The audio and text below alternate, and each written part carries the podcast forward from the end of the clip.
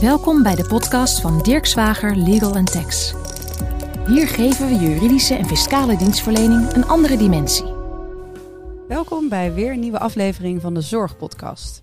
In deel 1 gingen wij in op eh, de WTZA, de wet toetreding zorgaanbieders, die per 1 januari 2022 in werking is getreden.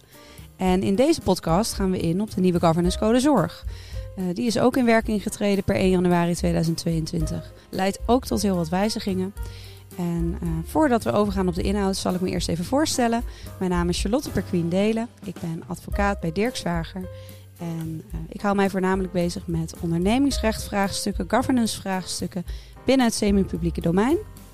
Ik ben daarnaast verbonden aan het Van der Heijden Instituut, de Radboud Universiteit en ben daar fellow. Um, ik doe onderzoek naar uh, eigenlijk diezelfde vraagstukken. En deze podcast doe ik zeker niet alleen. Nee, dat klopt. Mijn naam is Rosanne Kuiper. Ik ben advocaat op de sectie gezondheidszorg bij Dirk Zwager. En ik hou mij voornamelijk bezig met uh, ondernemingsrechten in de zorg, samenwerkingsverbanden tussen zorgaanbieders en alles wat daarbij komt uh, kijken. Ja, en deze podcast die nemen wij ook op naar aanleiding van het webinar wat we hebben gegeven over de nieuwe WZA, over de nieuwe governance code zorg. Dat was uh, 3 februari jongstleden, 3 februari 2022.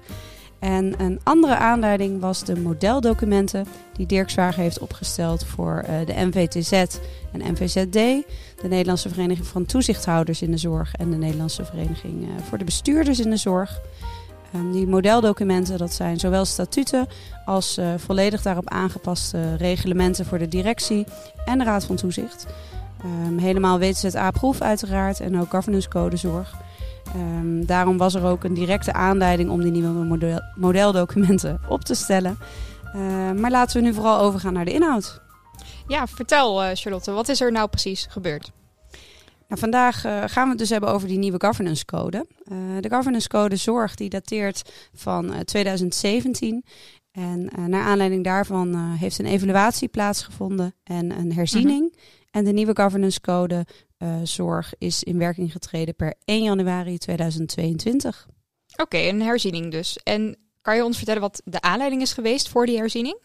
Ja, er heeft onder andere een evaluatie plaatsgevonden in opdracht uh -huh. van de brancheorganisaties zorg.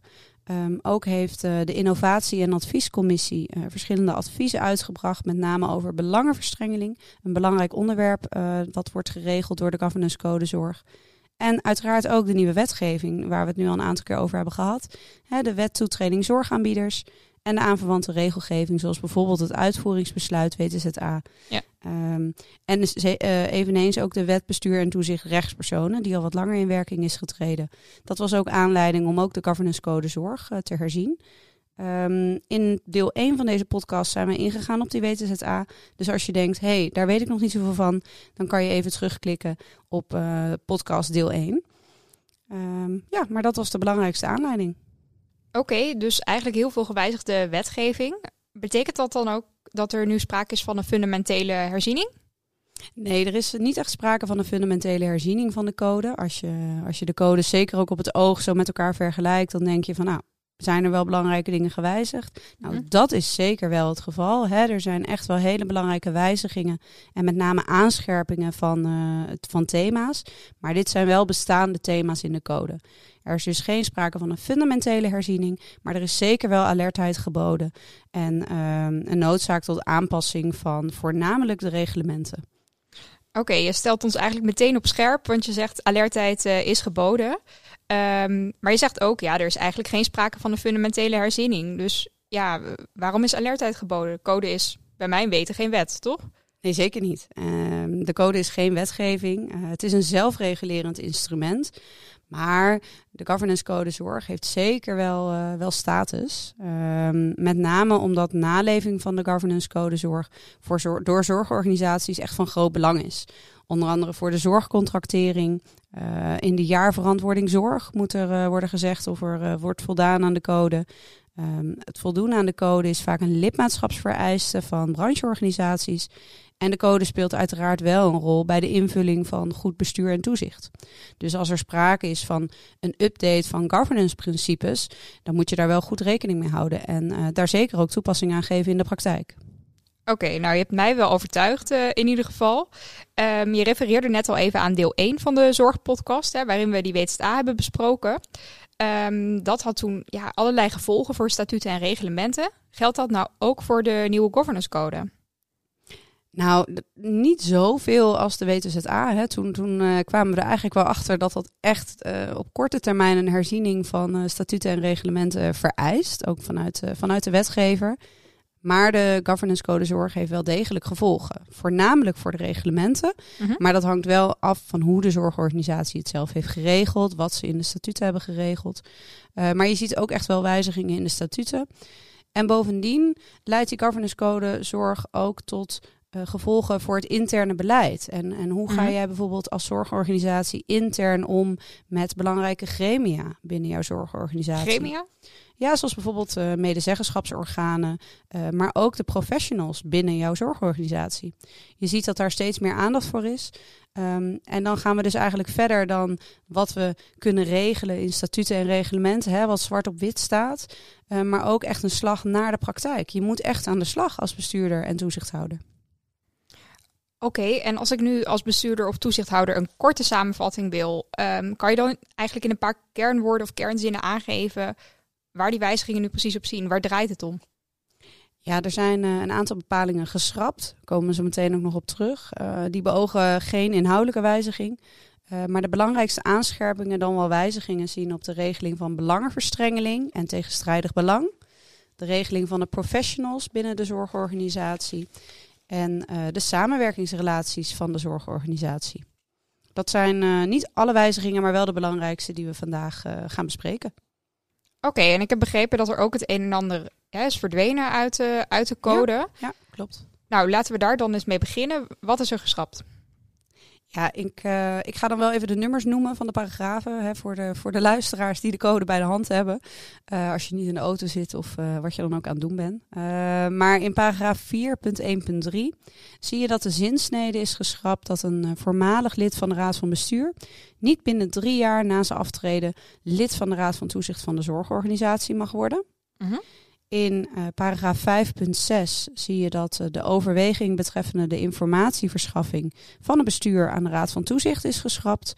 En in paragraaf 6.3 in de inleiding zie je dat het zwaarwegend adviesrecht voor de cliëntenraad um, in plaats van het bindende voordragsrecht, hè, die inruiling, uh -huh. dat dat ook is geschrapt. Oké, okay, nou misschien toch goed om daar ook even inhoudelijk op in te gaan voor de mensen die misschien niet dagelijks met de code in hun hand zitten. Zorgt dit nou voor een inhoudelijke wijziging. Hè? Um, hoe, hoe, zit dat nou precies? Mag een oud bestuurder nu ineens wel twee jaar uh, nadat hij is afgetreden toezichthouder worden bij een zorgorganisatie? Of wat betekent dit nou? Ja, nee. Um, heel kort antwoord. Uh, nee, dat, dat betekent het zeker niet. Het uh, is geen inhoudelijke wijziging. Um, die eerste twee, hè, over uh, dat een voormalig lid van de Raad van Bestuur niet binnen drie jaar na zijn aftreden hè, lid mag worden van de Raad van Toezicht. En de tweede, namelijk die informatieverschaffing van het bestuur aan de Raad van Toezicht. Dat wordt nu geregeld door de WZA en het uitvoeringsbesluit. In podcast 1 is dat ook aan bod gekomen. Um, dus eigenlijk geen materieel inhoudelijke wijziging. Het is gewoon alleen uit de code gehaald en overgegaan naar wetgeving.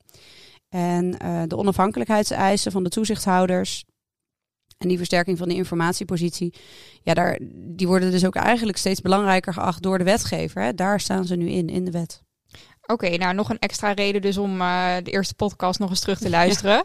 Ja. um, en je noemde net ook even dat adviesrecht van de cliëntenraad. Ja. Um, hè, hoe, um, hoe zit dat precies, die wijziging? Ja, wij zijn van mening dat dat ook geen inhoudelijke wijziging uh, beoogt. dat mag nog steeds. En ja, waar gaat het nou eigenlijk om? Dat is eigenlijk de mogelijkheid dat de Raad van Toezicht uh, met de cliëntenraad een overeenkomst sluit, uh, de zorgorganisatie, uh, waarbij de cliëntenraad een adviesrecht krijgt over de profielen en de benoeming -huh. van alle leden van de Raad van Toezicht. Ja. En daar ruilen ze eigenlijk iets voor in, want in ruil daarvoor ziet de cliëntenraad af van het bindende voordragsrecht op één zetel. Ja. He, dus in plaats van een bindend voordragsrecht krijgen ze een adviesrecht. Dan zou je denken, ja, dat, dat is eigenlijk minder. Uh, maar het is wel op alle zetels in plaats van één. Um, we zien het heel vaak in de praktijk. Wij zijn van -hmm. mening dat het ook nog steeds mag. Um, he, dat het uit de code is, betekent niet dat het daarmee niet meer mag. -hmm. En um, ja, Dat Oké. is het eigenlijk. Oké, want ja, wij zien dit hè, best wel vaak, eh, of vaak, Ja. maar met regelmaat in Ja. de statuten. Maar daar kan het dus gewoon blijven staan. Ja, zeker. Het kan gewoon in je statuten blijven staan. Ehm, en we zien in de praktijk ook wel dat het eh, juist kan bijdragen aan de betrokkenheid van, eh, van de cliëntenraad bij die raad van toezicht. Dat ze daar daardoor in een eerdere fase betrokken worden. Mhm. Ehm, ja, dus dat het eigenlijk ook wel goed werkt. Eh, voor sommige zorgorganisaties, laat ik dat er vooral bij zeggen. Ja, daar kan ik me wel wat bij, bij voorstellen. Dat je meteen eigenlijk bij iedere zetel vanaf het begin af aan erbij Ja, wordt getrokken. ja. Ja. Ehm, nou, tot zover de schrapping eigenlijk. Ja. laten we nu doorgaan naar het misschien het echt spannende gedeelte, de inhoudelijke wijzigingen. Ehm, je noemde het thema belangenverstrengeling al eventjes. Een belangrijk thema wat eh, veel ter sprake komt in de praktijk, veel aandacht Ja. aan wordt besteed. Waarom is dat? Ja, belangenverstrengeling, dat hangt echt heel erg samen met, met het vertrouwen in die zorgorganisatie. Hè? Ehm, wij varen daar toch wel op, ook in ons zorglandschap. Het belang van de goede zorg hangt daarmee samen.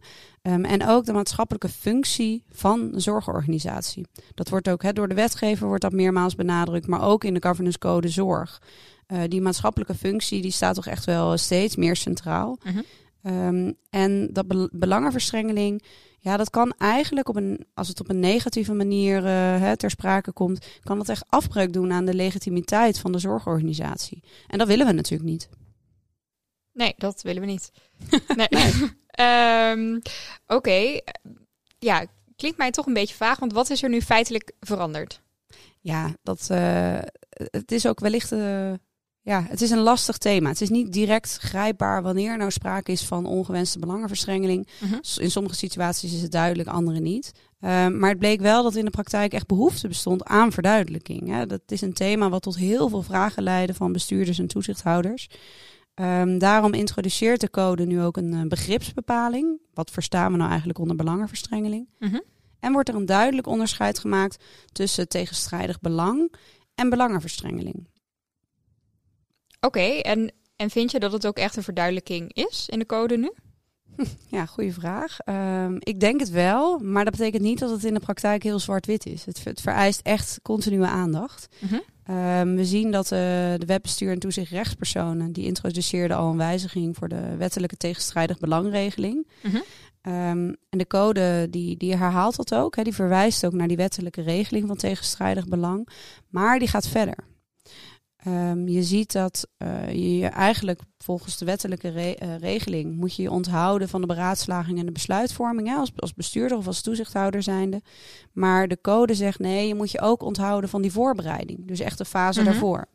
Dus voor zorgorganisaties betekent dat ook dat je bijvoorbeeld in de statuten die aangepaste regeling moet opnemen. En dat je niet alleen kan varen op die wettelijke regeling van tegenstrijdig belang. Ja. Ehm, even voor, voor, hè, voor de luisteraars, wat bepaalt nou de code? Ehm, dat een bestuurder of toezichthouder niet mag deelnemen aan de voorbereiding, beraadslaging en de besluitvorming als hij daarbij een dusdanig tegenstrijdig belang heeft dat hij niet meer in staat is om de belangen van de zorgorganisatie op een integere, objectieve en onbevooroordeelde wijze te behartigen. Nou, als daardoor dan geen besluit kan worden genomen door de Raad van Bestuur, dan moet het besluit worden genomen door de Raad van Toezicht. Mhm. En die moeten wel even de overwegingen die aan het besluit ten grondslag liggen vastleggen, schriftelijk. Mhm. Ehm, nou, en die regeling die moet ook echt worden verankerd in de statuten. En die werk je nader uit in de reglementen. Dus van zowel het directiereglement als het reglement van de Raad van Commissarissen, Raad van Toezicht. Oké, dus niet deelnemen aan voorbereiding, beraadslaging en besluitvorming. Ja. En ja, wa- wat betekent dat nou precies? Moet ik dan buiten blijven staan? Of? Ja, eigenlijk wel. Ja, je, je neemt daar echt niet aan deel. Je bent daar ook niet bij aanwezig. Ja, dat klopt. Oké, ehm, en wat zijn nog andere inhoudelijke wijzigingen in de, in de code? Ja, er is bijvoorbeeld een eh, werkwijze opgenomen ehm, die je moet volgen in geval van transacties die zijn aangegaan onder zo'n tegenstrijdig belang. Ehm, en ook die eh, werkwijze moet je opnemen, hè, statuten, reglementen, met name in de reglementen. Eh, en moet je natuurlijk ook volgen in de praktijk. Ah, oké. En ehm, als we toch nog even teruggaan naar het belangenverstrengeling, wat Ja. is toch echt wel een groot onderwerp. Ja, wat, wat zijn nou precies die belangrijkste veranderingen? Ja, er is dus een nieuwe begripsbepaling. Ehm, en ja, dat, dat lijkt ook duidelijker te maken dat er sprake kan zijn van belangenverstrengeling in positieve en in negatieve zin. Oh, oké. Dus belangenverstrengeling kan ook wel positief zijn. Ja, uh, hè, dat, dat wordt ook erkend door de code. Um, waar de code voorheen bepaalde dat elke vorm van persoonlijke bevooroordeling, dan wel belangenverstrengeling, moet worden vermeden, um, spreekt de code nu expliciet over ongewenste belangenverstrengeling. En in de statuten moet je dan echt concrete beheersmaatregelen uh, opnemen, um, ja, wat je dan moet doen. Oké, beheersmaatregelen, waar, waar zien die dan precies op? Die zien erop om in een zo vroeg mogelijk stadium uh, belangenverstrengeling te signaleren. Um, om ongewenste belangenverstrengeling, hè, dus daar komt hij terug, om die te voorkomen. Um, en uh, de schijn hiervan moet je ook vermijden. En je moet waarborgen dat zorgvuldig en transparant wordt omgegaan met ongewenste belangenverstrengeling en de schijn van ongewenste belangenverstrengeling. En die beheersmaatregelen, waar leg je dat dan ook weer vast? Ja, dat leg je vast in de statuten en reglementen. Um, en dat hebben wij dus ook gedaan in de modeldocumenten die we hebben gemaakt voor de NVZZ en NVZD. En die zijn dan ook volledig op elkaar afgestemd, die beide regelingen. Oké, okay, um, ja, ik denk dat we wel even voldoende hebben gesproken over belangenverstrengeling uh, te, tot op heden. Um, laten we even kijken naar de andere thema's. Ja. Hè? Wat is er nog meer uh, aangescherpt of gewijzigd? Nou, een tweede thema uh, wat wel erg nuttig is om te bespreken is uh, de verankering van de professionals binnen de zorgorganisaties. We zien nu heel vaak in de praktijk dat uh, medisch specialisten vrij goed zijn verankerd in die medezeggenschapsstructuren. Of in ieder geval invloed kunnen uitoefenen op het bestuur en het beleid van de zorgorganisaties. En dat zien we nog niet zo heel sterk. Uiteraard afhankelijk, het verschil per zorgorganisatie. Maar bij bijvoorbeeld verpleegkundigen, verzorgenden. Um, ja. Terwijl de praktijk daar wel echt grote behoefte aan, uh, aan lijkt te hebben. Mm -hmm. En dat element komt echt sterker terug in de code. Oh, nou, dat lijkt me een goede ontwikkeling ja. uh, dan. Um, en je zegt, ja, die medisch specialisten die zitten er al vrij goed in. Uh, hoe oefenen zij nu dan hun invloed vaak uit? Ja. Nou, als we in ieder geval kijken naar de CAO ziekenhuizen, um, die kent een paragraaf uh, statuten, uh, medisch specialisten en dienstverband. En daarin wordt de invloed van medisch specialisten in dienstverband geregeld. En ook zien we vaak dat bijvoorbeeld via de vereniging medische staf invloed wordt uitgeoefend. Of via statuut. Ja, ja.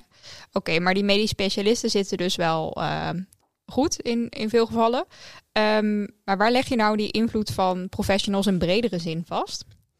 Ja, die, die kan je laten terugkomen in de statuten. Uh, door bijvoorbeeld niet slechts de ondernemingsraad en, en cliëntenraad mee te nemen in de verschillende gremia.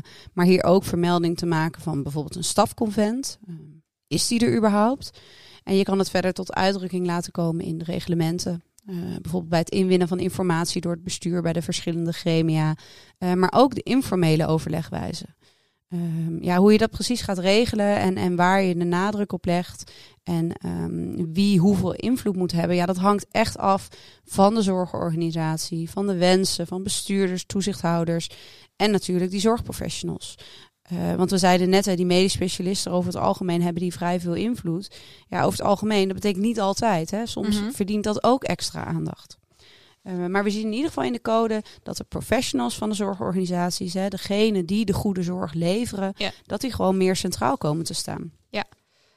Um, Oké, okay. klinkt, uh, klinkt als een positieve ontwikkeling, maar betekent ja. het nu dat we echt een hele sloot aan medezeggenschapsorganen krijgen? Of hoe uh, zie je dat precies? Nee, nee, het wijzigt niet de hele orgaantheorie, uh, dat niet. Uh, en de code erkent ook dat er allerlei verschillende manieren zijn hè, van invloed toekennen aan hun. Formeel, mm -hmm. maar ook informeel. Oké, okay, duidelijk tot, tot zover die ontwikkelingen op het gebied van professionals medezeggenschap. Um, nou, laten we doorgaan naar het volgende thema. Wat is er nog meer veranderd? Ja, de, de samenwerkingsrelaties van de zorgorganisatie, die, uh, dat is ook wel goed, een goed thema om even te bespreken. Uh, ja. Oké. Okay, um, nou, dat, dat is een, een uh, ja, wat is het eigenlijk? Het is een breed begrip. breed begrip. Um, kan je daar een beetje over uitweiden? Wat, wat is precies de wijziging? Ja, je ziet nu dat uh, de code eigenlijk erkent dat de zorgorganisatie in verbinding staat met andere zorgorganisaties. Um, en benadrukt ook dat belang. En we zien ook echt dat de zorgsector vraagt om die samenwerkingen.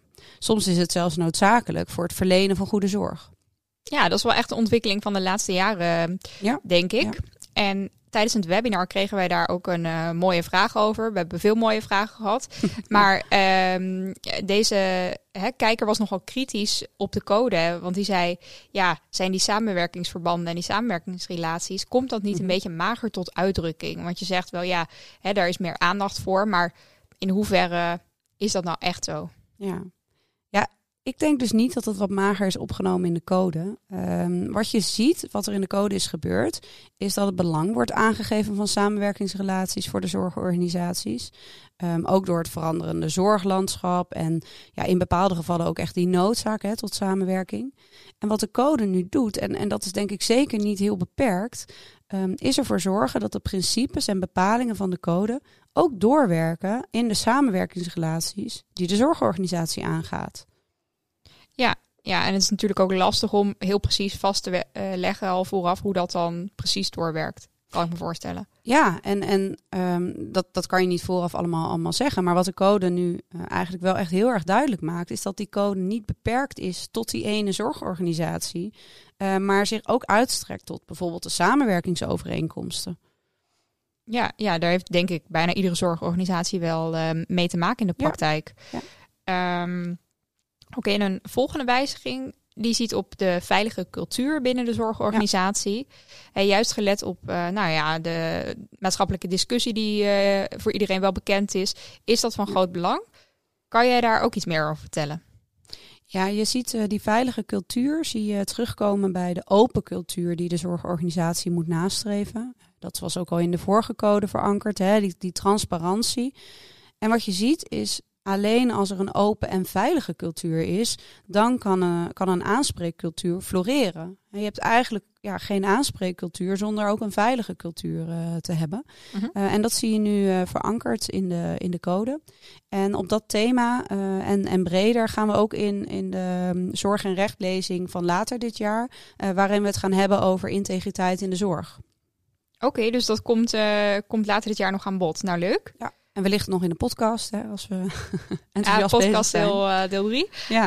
Um, nou, we hebben nu volgens mij wel een belangrijk deel van de wijzigingen besproken. Um, wat is belangrijk om de luisteraars nog mee te geven? Ja, allereerst dat wij in deze podcast niet alle wijzigingen tot in detail hebben besproken. Hè. Dus het verdient echt uh, aanbeveling om hier als zorgorganisatie even goed naar te kijken. Um, maar wat ik ze in ieder geval nog wil meegeven is de inwerkingtreding van de code.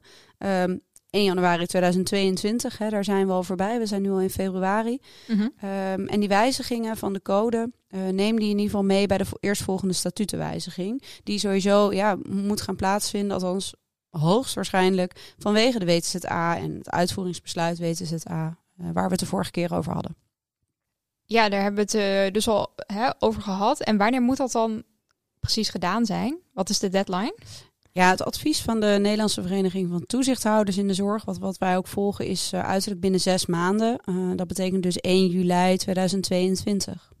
Oeh, dat betekent dus wel dat we nou, wij en uh, zorgaanbieders eigenlijk aan, aan de slag zullen moeten. Ja, we moeten aan de bak. En dat is ook hartstikke mooi. want zorgaanbieders kunnen natuurlijk gebruik maken van de modeldocumenten -hmm. die wij hebben opgesteld voor de NVZZ en NVZD. Maar die zijn natuurlijk niet toegespitst op elke specifieke situatie van de zorgaanbieders. zorgaanbieders kunnen natuurlijk altijd contact met ons opnemen, zodat wij met hun kunnen meekijken. Nou, wat werkt voor jullie goed? Wat is noodzakelijk om te updaten? En wat wellicht niet. Ja, ja. nou, uh, dat is denk ik goed om te weten. Um, ik kan me voorstellen dat mensen luisteren en denken: hier wil ik meer over weten. Ja, dat Wat? snap ik. ja, ik ook. Wat moeten ze dan doen? Uh, nou, je kan bijvoorbeeld beginnen met het luisteren van onze vorige podcast. We hebben hem inmiddels al een paar keer genoemd, mm -hmm. dus dat, uh, dat kan de luisteraars niet ontgaan zijn. Um, op onze kennispagina uh, van Dirk Zwager staan ook verschillende blogs, mm -hmm. waaronder ook een blog van de Governance Code Zorg. Daar kan je alles nog even rustig nalezen. Um, je kan natuurlijk ook het webinar terugkijken. Uh, als je daar geen link voor hebt, benader ons gerust mm -hmm. uh, via LinkedIn, uh, de website van Dirk Zwager. We zijn daar te vinden. en je kan natuurlijk ook altijd even hè, bellen, mailen als je vragen hebt. En we zijn graag bereid te helpen. Nou, op allerlei mogelijke manieren zijn we te benaderen. ik, ja. Ehm, ik hoor het al. Um, dan rest ons denk ik niets uh, dan uh, de luisteraars te bedanken voor Zeker. het luisteren. En uh, hen van harte uit te nodigen om nou, gebruik te maken van al die kanalen die we net hebben genoemd. En uh, hou vooral ons kanaal in de gaten voor een volgende podcast. Zeker. Zorgpodcast uh, deel 3. ja, Oké, okay, bedankt. Doei. Dag. Dirk Zwager Legal Tax. Podcast.